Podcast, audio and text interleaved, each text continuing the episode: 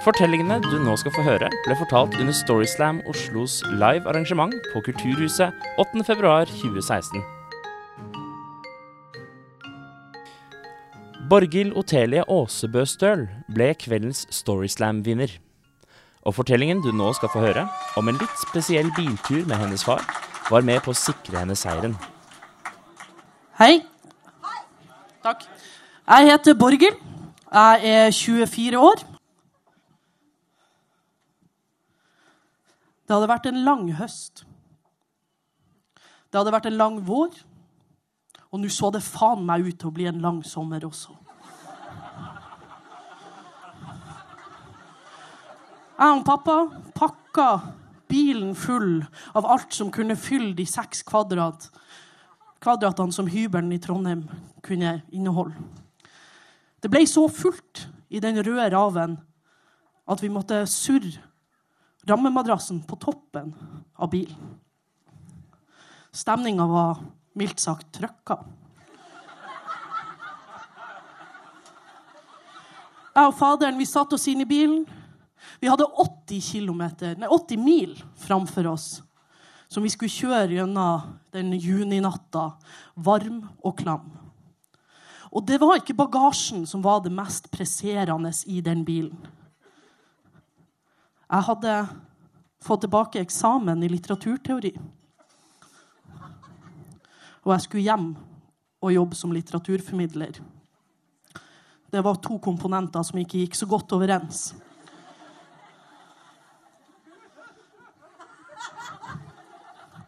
Han pappa sa ikke så mye, og jeg så stadig vekk bort på han.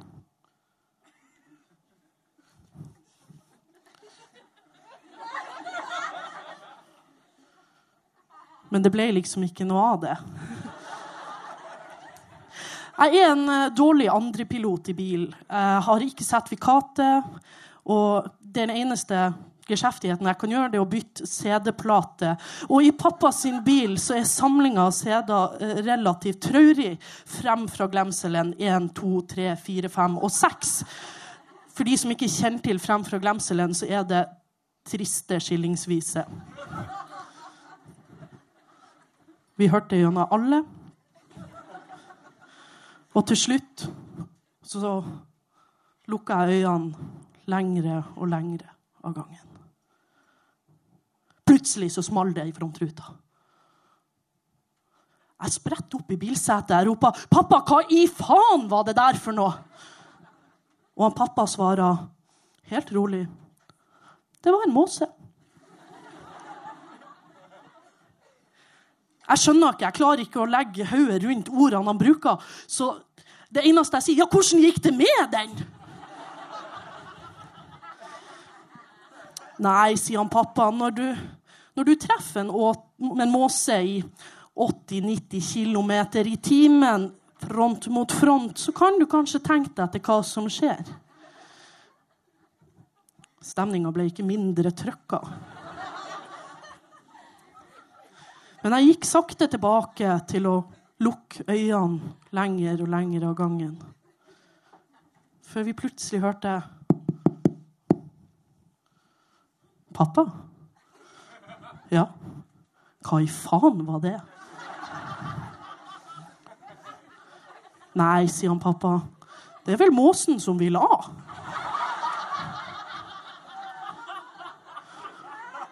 fomla det her fram og tilbake og kommer vel fram til at, at det er rammemadrassen som ligger og slår en eller annen plass på biltaket, og tenker ikke videre over det.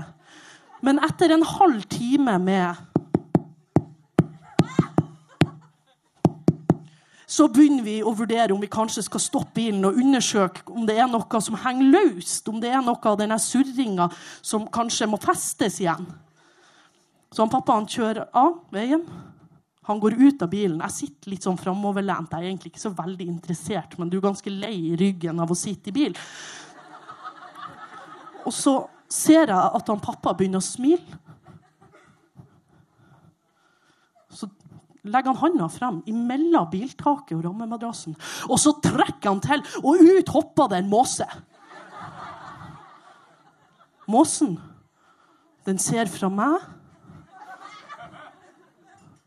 til han pappa. Så ser den tilbake på meg og til han pappa. Så rista den seg litt. Og så letta den og sneia så vidt over autovernet før den gir seg ut over fjordarmen. Jeg visste ikke hvor jeg skulle gjøre av meg. Han pappa han knakk sammen framfor bilen. Vi var helt fra oss. Og resten av bilturen så satt vi der og glisa. Tenk for et naturmøte vi har hatt!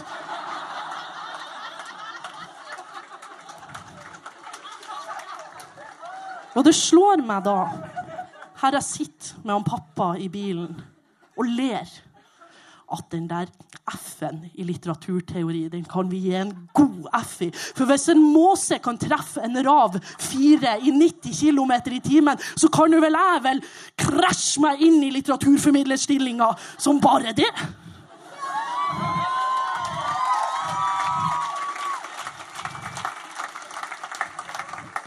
Så avslutningsvis så vil jeg bare oppfordre alle til å ta lærdom av naturen.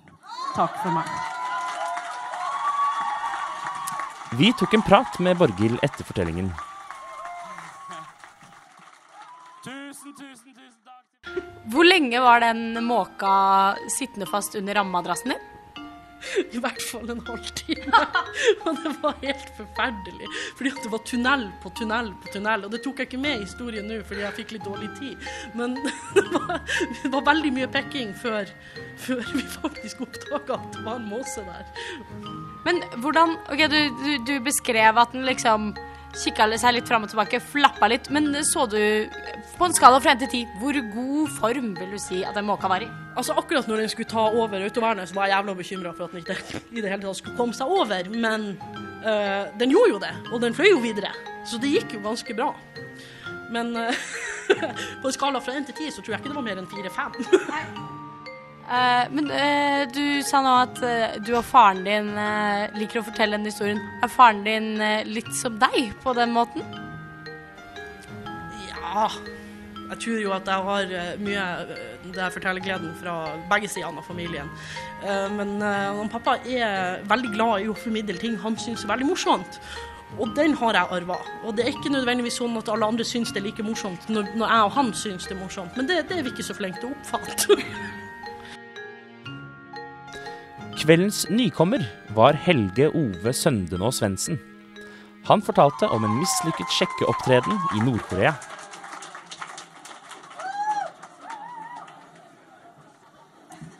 God dag. Jeg heter Helge, jeg er 29 år, og jeg debuterer på Storeslam i kveld. Seksuelt. Så single ladies.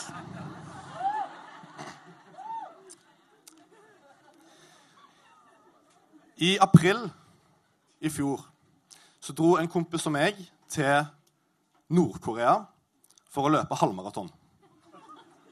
Men dette er ikke historien om halvmaratonet.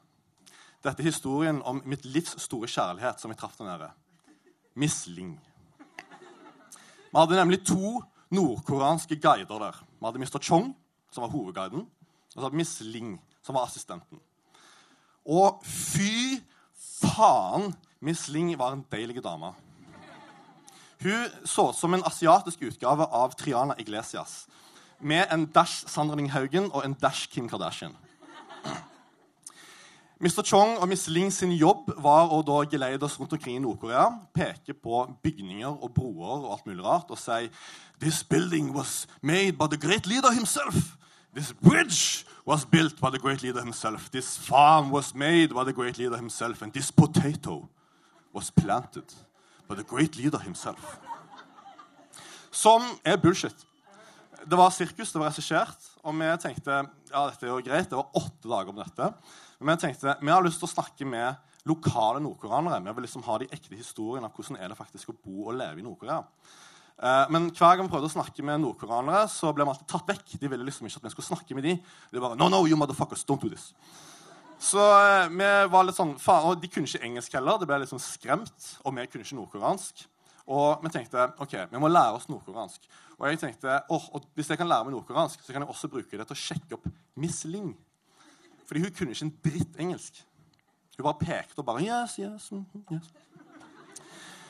Så men eh, ok, så En kveld på hotellet vårt, eh, som var på en øy midt i Pyongyang, som heter også, også kjent som Alcatraz of Fun For det er, det er ikke Internett, det er ikke telefondekning, det er ingenting. Du lever på 80-tallet. Men det er en bar der. Så vi drikker oss fulle hver kveld, som de gjorde på 80-tallet. Så vi ble der. En kveld så kommer Mr. Chong, hovedguiden vår, valsende inn. Og jeg tenker shit, dette er sjansen min. Nå skal jeg lære meg nordkoreansk. Eh, og han setter seg ned, tar seg tre-fire pils av det ekle nordkoreanske ølet. Og eh, jeg lener meg over bordet og bare Mr. Chong, uh, I just want to know um, how, how do you pick up ladies in North Korea? For jeg tenkte, Vi har lyst til å bygge broer mellom, liksom, mellom oss og nordkoreanerne. Fordi i får de vite at alle fra Vesten er den store Satan. Og vi vil liksom vite at nei, vi er jo ikke det. Så jeg ville vise det, og jeg ville sjekke opp nordkoreanere. Så jeg spør Mr. Chong, how do you pick up ladies in uh, North Korea? Og han liksom ser på meg som jeg er en sånn idiot. Og liksom Pick up ladies? You go over to lady. And you just pick her up. Og jeg bare Nei. Nei, Mr. Chong. Det er ikke det jeg vite. Så jeg prøver å omformulere meg og bare Mr. Chong, uh, I, sorry, I, I misspoke. Uh, how, how do I flirt with women in North Korea? Og han står og ser på meg igjen med samme blikket. Tenker litt. Og så lener han seg over bordet, akkurat som han skal fortelle meg en hemmelighet. Og så hvisker han til meg. You go over to lady. And you whisper in her ear. Chocolat. Chocolat. And then she will do whatever you say. Og jeg bare Å, sweet sjokolade.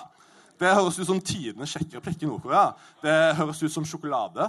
Det renner liksom av tungen. Sjokolade. Uh, og jeg tenkte dette er nice. Dette må jeg bruke på Misling. Men jeg kan ikke gå rett bort til Misling og liksom bare Yo, sjokolade. Jeg må liksom, jeg må liksom teste dette ut, da. Så, så jeg går bort så jeg, jeg prøver ut sjokolade på kvinner og menn i Nord-Korea. Eh, I alle mulige tonefall, bare for liksom å få reaksjonene til folk. Så jeg går bort og liksom Sjokolade, sjokolade, sjokolade, sjokolade. Og, men hver gang jeg sier det, så får jeg liksom den samme reaksjonen. Folk ser på meg litt sånn, med sånn, de blir sånn hvite i ansiktet. Og så ser de på meg det forskrekka blikket. Og liksom bare rister på hodet og bare sånn smiler litt nervøst og går videre. Og jeg tenker, Dette er selvfølgelig fordi at den, de trodde ikke at en vestlig kunne nordkoreansk. De er selvfølgelig utrolig imponert over mine nordkoreanske skills.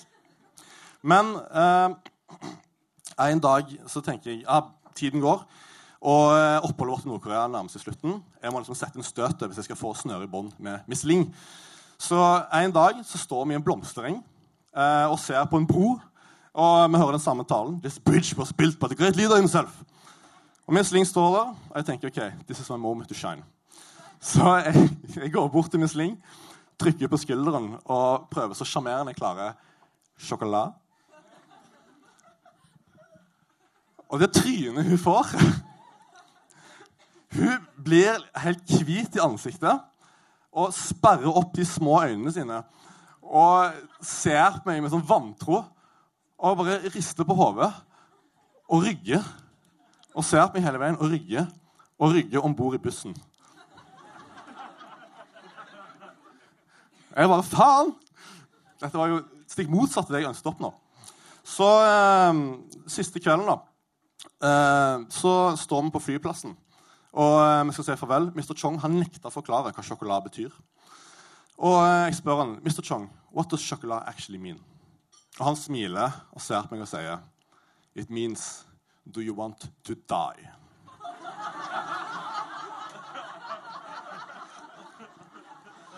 Så da har jeg gått i fire dager og drapstrua nordkoreanere.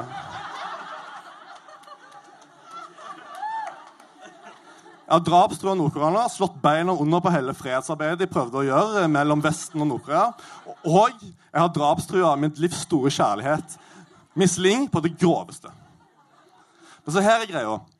Hvis det noensinne bryter ut en tredje verdenskrig mellom Nord-Korea og resten av verden, noe som det ser som det gjør nå, så er det litt min feil.